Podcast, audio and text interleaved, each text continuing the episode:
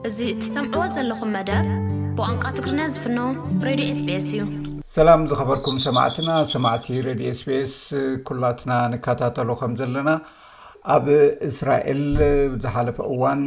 ብሓማስ ብዝተፈፀመ ኣብ ውሽጢ እስራኤል ሓድሽ ግጭት ተላዒሉ ኣብቲ ከባቢ ከቢድ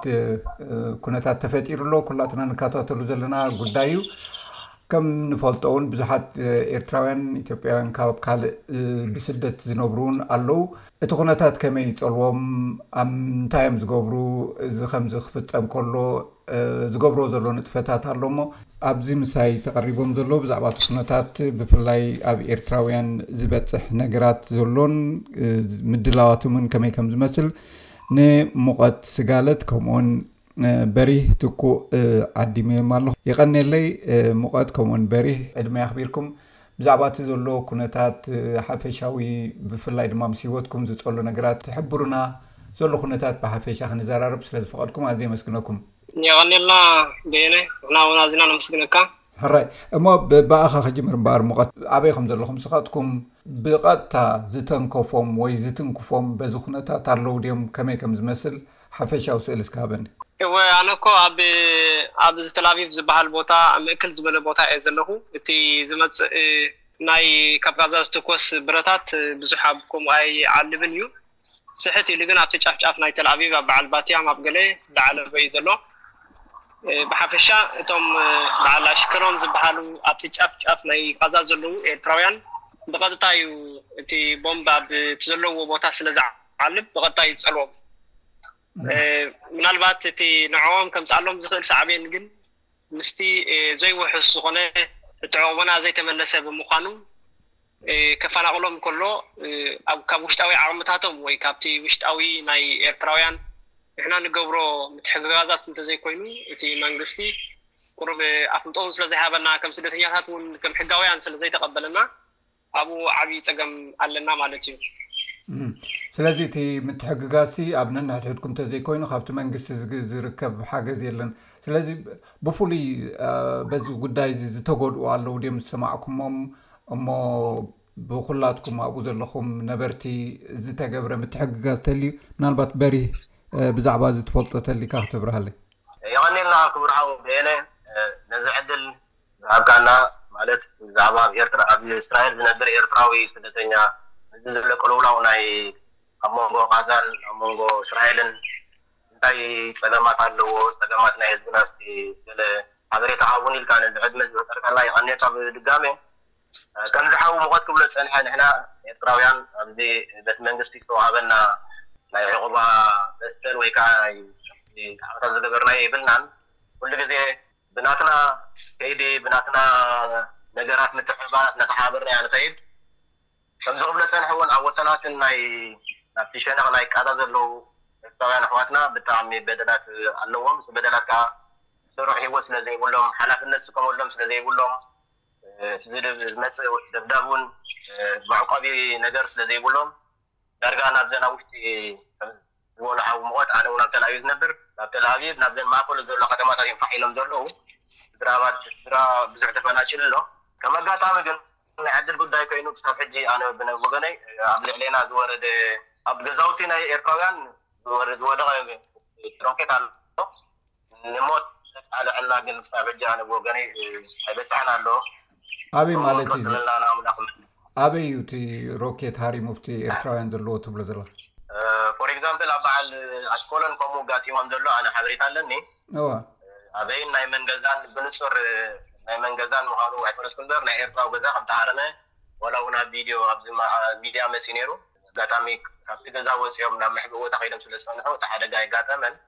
ሕራይ ሙቐት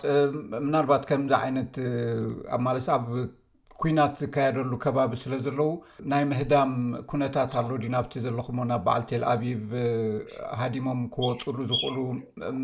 እንታይ ትገብሩ ማለት እዩ ዳሃዮም ከመይ ጌርኩም ትፈልጡ ወይ ነዚ ዘተሓባብር ካባካትኩም ኣለዉ ድም ብኸመይ ከም ተካይድዎ ኣነ ፈልጥ እየ ብዙሓት ሰባት ሕጂ ኣብቲ ንእስራኤላውያን ኣብ ምሕጋዝ ዝተዋፈርኩም ኣለኹም ብፍላይ ግን ነቶም ከማኻትኩም ዝኣመሰሉ ስደተኛታት ኣብ ምሕጋዝ ትገብርዎ ዘለኹም ነገር ኣሎ ድዩ ከምዚ ሓው በሪ ክብሎ ዝፀንሐ ድልዱል ዝኾነ ናይ ፖለቲካ ዕቑባ ሕቶ ስለ ዘይተመለሰልና ኮሚኒቲ ጌርና እውን እቲ ዘለና ሽግራት ክንኣሊ ኣይከኣልናን በብዘለናዮ ሓንሳብ ኮሚኒቲ ንፍትኖ ይፈርሰና ንፍትኖ ይፈርሰና ስለ ዝፀንሐ ድልዱል ዝኾነ ተፀዋዒ ናይቲ ኣብዚ ዘሎ ሕብረተሰብ ኣለና ክንብል ኣይንኽእልን ግን ብዓቕምና ኣብ ሽግራት ዘጋጥመና እዋናት እንዳተኣኻኸብና ከምቲ ኣብ ኮሮና ዝሰገርናዮ ሕጂ እውን ከምኡ ዓይነት ባህርያት ኢና ነርኢ ዘለና እቶም ተፈናቒሎም መፅኦም ዘለዉ የሕዋት ከዓኒ ዋላ ኣብ ካልኣይ ግዜ ምናልባት ብዝርዝር ምስቶም ዘለዎ ኣካላት ተራዳዲእና ክንቕርበልካ ንኸእል ኢና ግን ኣለዉ እሕዋት ዝተፋናቐሉ ኣለዉ ካብቲ ቦታ መጺኦም ከኣኒ ኣብ ኣብ ዝጥዕም ቦታ ተዓቂቦም ኣለዉ ማለት እዩ ኣብ ልዕሊ ኤርትራውያን ኤርትራዊ ዝኾነ ግን ዝኾነ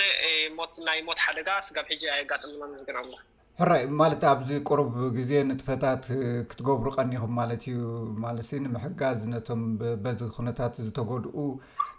ዝሓለፈ እዋን እውን ከቢድ ግጭታት ነይሩ እዩ ኣብ ነንሕድሕድኩም ብናይ ኤርትራ ፖለቲካ ማለት እዩ እዚ ኣብ ነንሕድሕድኩም ዘሎ ናይ ምትሕግጋዝ መንፈስ ህይወት ከመይ ጸልዎ ብእወታዊ ኹን ብኣሉታዊ ከመይ ጸልዎ እቲ ዝጸንሓኩም ምትሕብባር ነንሕድሕድኩም ማለት እዩ። ኦኬ እዛ ሕቶ ምስ ምስ ፖሊስ እስራኤል ወይ ከዓ ምስ ምሕደራ ናይ እስራኤል ማለትካ ድዩ?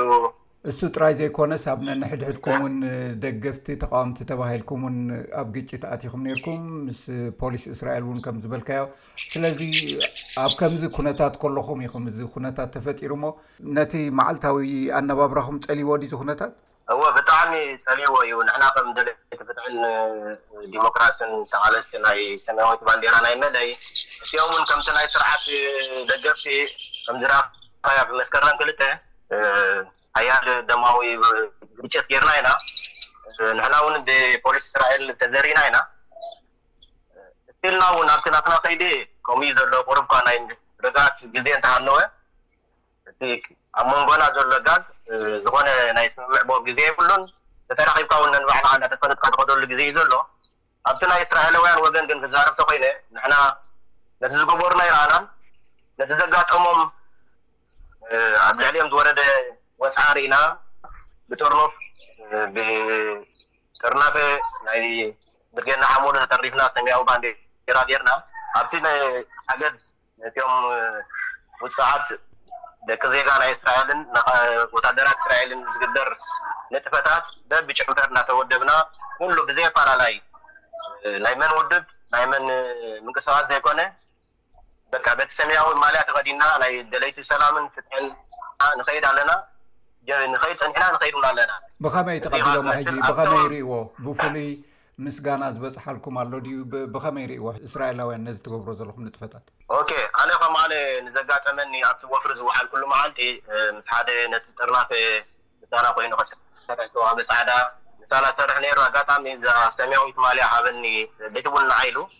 ትርጉማ ትፈልጣ ዲኻ ኢለዮ።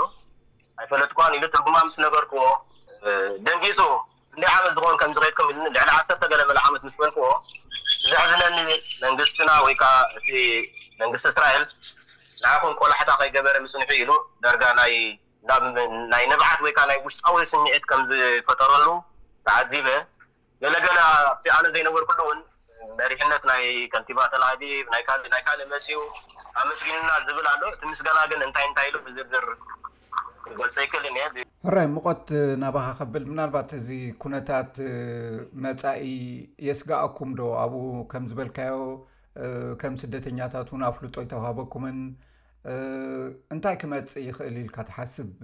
እዚ ኩነታት እንዳቐጸለ እንተኸይዱ ሂወትኩም ኣብ ምንታይ ኩነታት ክወድቅ እዩ ኢልካ ትስከፍ ወይ ማለት ሕማቅ ነገራት ከጋጥም ይኽእል እዩሞ ብከምዚ ክንወፆ ንኽእል ኢና ትብሎ ነገራት ኣሎ ድዩ ኣብ ውሽጥካ ብሓሳብካ? እወ ሓው በየነ እንታይ መስለካ መጀመርታ ኣብታ ናይ ቀዳመይቲ ንሓወይ ዝሓተትካዮ ንሕና ኣብቲ ዕለት ክልተ ዘጋጠመ ኣብ መንጎ እቶም ደገፍቲ ናይቲ ስርዓትን ተቃወምቲ ናይቲ ስርዓትን ዘጋጠመ ንዓና ከም ከም ሽግር ንዕኡ ሓሊፍናዮ ኢና ግን እቲ ፅቡቕ ነገራቱ ሕማቕ ነገራቱ ከምቲ ሕማቕ ዝሓለፉ ኮይኑ እቲ ፅቡቕ ነገራቱ ግን ተጠርኒፍና ንክንፀንሕ ኣድማዒ ስራሕ ንክንሰርሕ ሕጂ እውን እስራኤላውያን ጠጠው ኢልና ኣብ መንጎ ኣብ ጎኖም ኮይና ሓገዛትና ክነበርክት ገይሩና እዩ እዚ ግን ገለ ሰባት ምናልባት ብፖለቲካዊ መልክዕ ይጥምትዎ ኮኑ እዮም ንሕና ግን ብክልቲኡ ኢና ንጥምቶ በቲ ሓደ ንሕና መን ኢና ዲፕሎማሲ ምስኦም ዘለና እንታይ ዓይነት ሕብረተሰብ ኢና ንሕና ኣርኢናዮም ኢና በቲ ካልኣይ ወገን በቲ ቀዳማይ ወገን ንሪኦ ንሕና ግን እቲ ሕብረተሰብ ክሳዕ ዓሰርተ ሓሙሽተ ዓሰርተ ሽዱሽተ ዓመት ዘዕቆበና ሕብረተሰብ ስለ ዝኾነ ግቡእና እውን ስለ ዝኾነ ኣብኡ ዘለና ነቲ ሽግር ኣጋጢምዎም ዘሎ ክንሕግዞም ስለ ዘለና ሕልናዊ ዕግበት ኣለና ናይ ሕልና ስራሕ ከም ስራሕና ኩልና ሰብ ክፈልጥ ይግባእ ማለት እዩ። ካልእ ኣብዚ ትብለኒ ዘለኻ እንድሕር ንነዊሕ ቀጺሉ ንሕና ከም ኤርትራውያን ዝኾነ ይኹን ውሕስነት ስለ ዘይብልና ክሃስየና ይኽእል እዩ ዝብል እምንቶ እዩ ዘለኒ ኣነ። ምኽንያቱ ብዙሓት መንኣሰይ ካብ ስራሕ ናይ ሬስቶራንት ናይ እስራኤል ማለት እዩ ጠጠው ዝበሉ ናይ ስራሕ የሕዋት ኣለውና እዮም። ስራሕ እንድሕር ጠጠው ኢሉ እትዋት የለን። እትዋት ተዘይህልዩ ከኣ ንሕና ከም ዝበልኩኻ ካብ ኢድና ስለ ዝኾነ ትርፊ እውን ስለ ዘይብልና መንግስቲ እውን ስለ ዘይሕግዘና ኣብቲ ዝሓለፈ ናይ ኮሮና እውን ንሓድሕድና እንዳ ተሓጋገዝናን እቲ ተረፍ ፅጋቦም ካብ ገለ ካብ ገለ ሃብታማት እንዳ ለመንና ሩዝ ወዲ ሩዝ ገይርና ከም ዝሓለፍናዮ ኩሉ ሰብ ክፈልጥ ኣለዎ ንሕና ብመንግስቲ ዝተደገፍናዮ ነገር ግን የለን ህዝቢ እስራኤል እንዳ ተደገፈ ከሎ ንሕና ብጣዕሚ ኢና ኣብ ዝሓለፈ ተሃሲና ኣብቲ ናይ ኮሮና ማለት እዩ ብዙሕ ሰብ ናብ ጎደና ወፂኡና እዩ ሕጂ እውን እዚ ኩነታት ናይ እስራኤል እንድሕር ደኣ ቀፂሉ ንሕና ከም ሕብረተሰብ ተሃሰይቲ ኢና ምኽንያቱ ካብ ኢድና ናብ ኣፍና ስለ ዝኾንና ኣዚና ተሃሰይቲ ኢና ማለት እዩ። ስለዚ ንሕና ብኣምላኽ እቲ ዘሎ ክስታይ ክሓጽረልና እንዳ ተመነና ዝኾነ ሰብ ግን ዝረኸቦ ስራሕ እንዳ ሰርሐ ነቲ ኩነታት እንዳ ተዓዘበ ክኸይድ ከም ዘለዎ በዚ ኣጋጣሚ ክንላቦ ንደሊ ማለት እዩ። ሕራይ በሪሁ ምናልባት እዚ ዝትኮስ ዘሎ ሮኬታት ኣሎ ካልእ ነገራት እውን ክመጽእ ይኽእል እዩ ከምቶም ካልኦት እስራኤላውያን ማለትሲ ትሕብእሉ ከምዝሰምዖ ማለት ኣብ ታሕቲ ቤዝመንት ኣሎ ኣብኡ ሰባት ይሕብኡ እዮም ከምዚታት ክመፅእ ከሎ ውሕስነትኩም ክሳብ ክንደይ ዝረጋገፅ ክል ምስቶም ደቂ ዓዲ ክትረኣዮ ከለካ ማለት እዩ ከቢድ ኩናት ምስዝመፅእ ኦኬ ክቡር ሓው ቤነ እዚ ትብሎ ዘለኻ መብዛሕትኡ እቲ ናትና ሕብረተሰብ ማማ ድዩ ዝብሃል ዝበልካዮ ወይ ከዓ መዕቆቢ ኣንደራት ኣብ ታሕቲ እዩ ኣጋጣሚ ከም ዕድል ኣብ ሓደ ፖላሶ ኣብ መንጎ ፀዓዱ ወይ ገለ ዘበልካዮ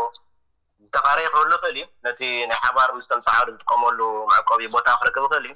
ከምዚ ናይ ቀደም ናይ ናይ እስራኤላውያን ቪላታት ከምኡታት ዘይብሉ መዕቆቢ ዘይብሉ እዩ ዝጎ ዝነብር። መብዛሕትኡ ናብ ናብ ጥቕኡ ዝጸንሐ መዕቆቢ ኢሉ ዝሓሰቦ እዩ ዝኸይድ። በቲልካ በቲልካ ግን እቲ ዝበዝሕ ዓቕሚ ሰብና ግዳይ እዩ ዝኸውን። እንድሕር ከምቲ ኣብ መሬት ዓሊቡ እንድሕር ዝዓልበ ነይሩ ተዝኸውን እዚ ኩሉ ሚሳይል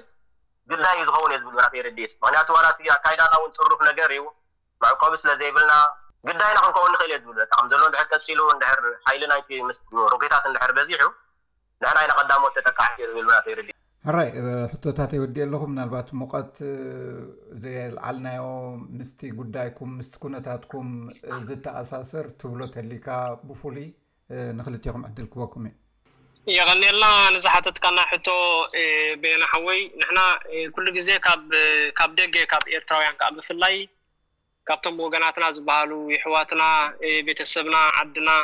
ኩሉ እቲ ከባቢና ኣብ መላእ ዓለም ተበቲኑ ኣሎ። ሕጂ እቲ ኣብ ኣብ ደሓን ቦታት ዘሎ ዝኾነ ብዛዕባ ድምጽና ክገብር ድምጽና ክገብረልና እንተወሓደ ፖለቲካዊ ሕቶና ክምልሱልና ከም ዘለዎም ሰለማዊ ሰልፍታት ክሕግዘና እቲ ሕብረተሰብ በዚ ኣጋጣሚ ንምሕጸን ማለት እዩ።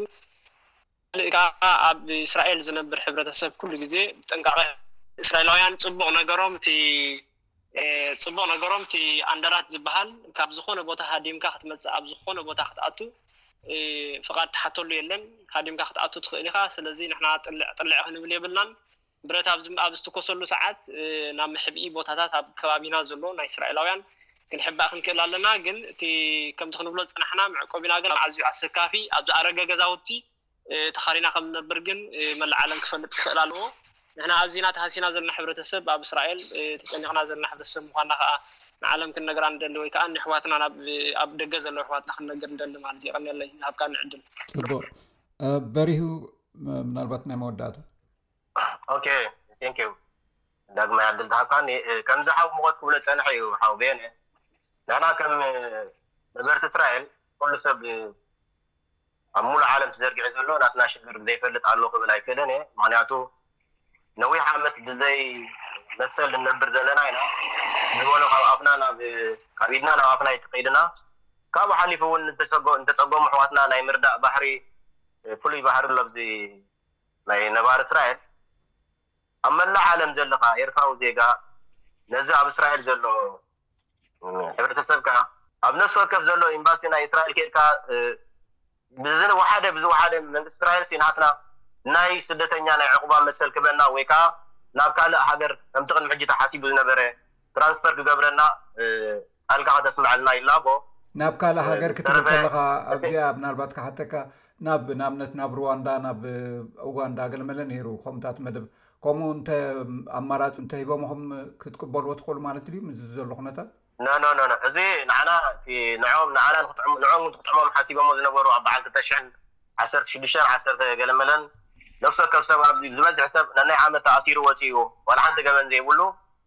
ከምኡ ጌራ ንዓና ሓንጎልና ቀይሮም ናብ ዘን ትብለን ዘለኻ ሃገራት ንኽንከይድ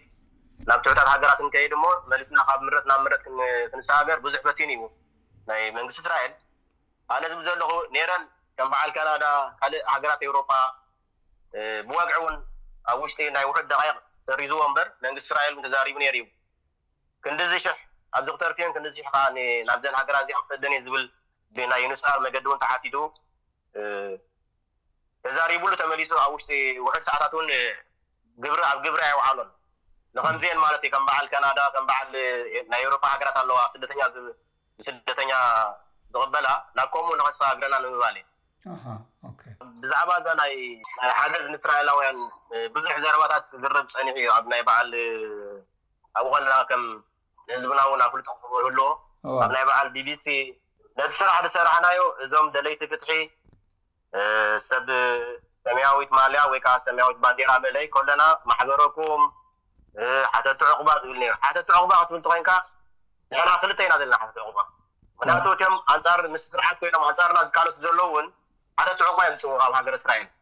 ኣዝያ ክትእርም ዝደሊ ኣነ ከም በርዩ